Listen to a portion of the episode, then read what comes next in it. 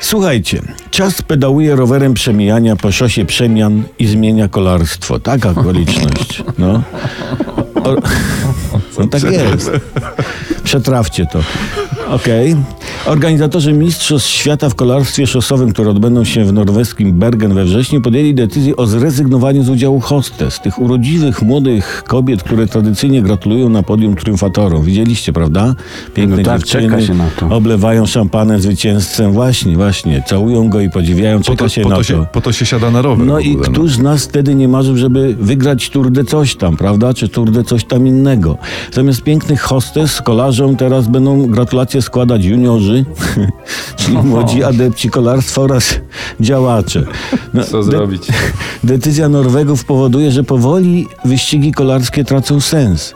Na pewno przestaną oglądać wyścigi rodzice hostes, może zaczną żony i dziewczyny kolarzy, no ale no, ilu facetów nie włączy telewizora? Przecież tych 200 gości w peletonie, tryskających testosteronem w przód, w tył i na boki, głównie po to zasuwali w takim tempie, żeby ich piękne dziewczyny całowały. Forsa forsą, trofea trofeami, ale bezkarnie przytulić się do hostesy, no warte każdego znoju w tym śmiesznym stroju. I zobaczycie, zobaczycie, że teraz peleton będzie dłużej jeździł. Te dłuższe etapy to se kolarze rozłożą na dwa dni. No, no bo do czego mają się spieszyć? Do pryszczatych juniorów i zionących alkoholem i papierochami obślinionych ust grubego działacza? Fuj! Tak. To już koniec kolarstwa, jakie znamy i lubimy. Juniorzy i działacze są fajni, ale oni są jak alkohol. Wszystkiego nie załatwią.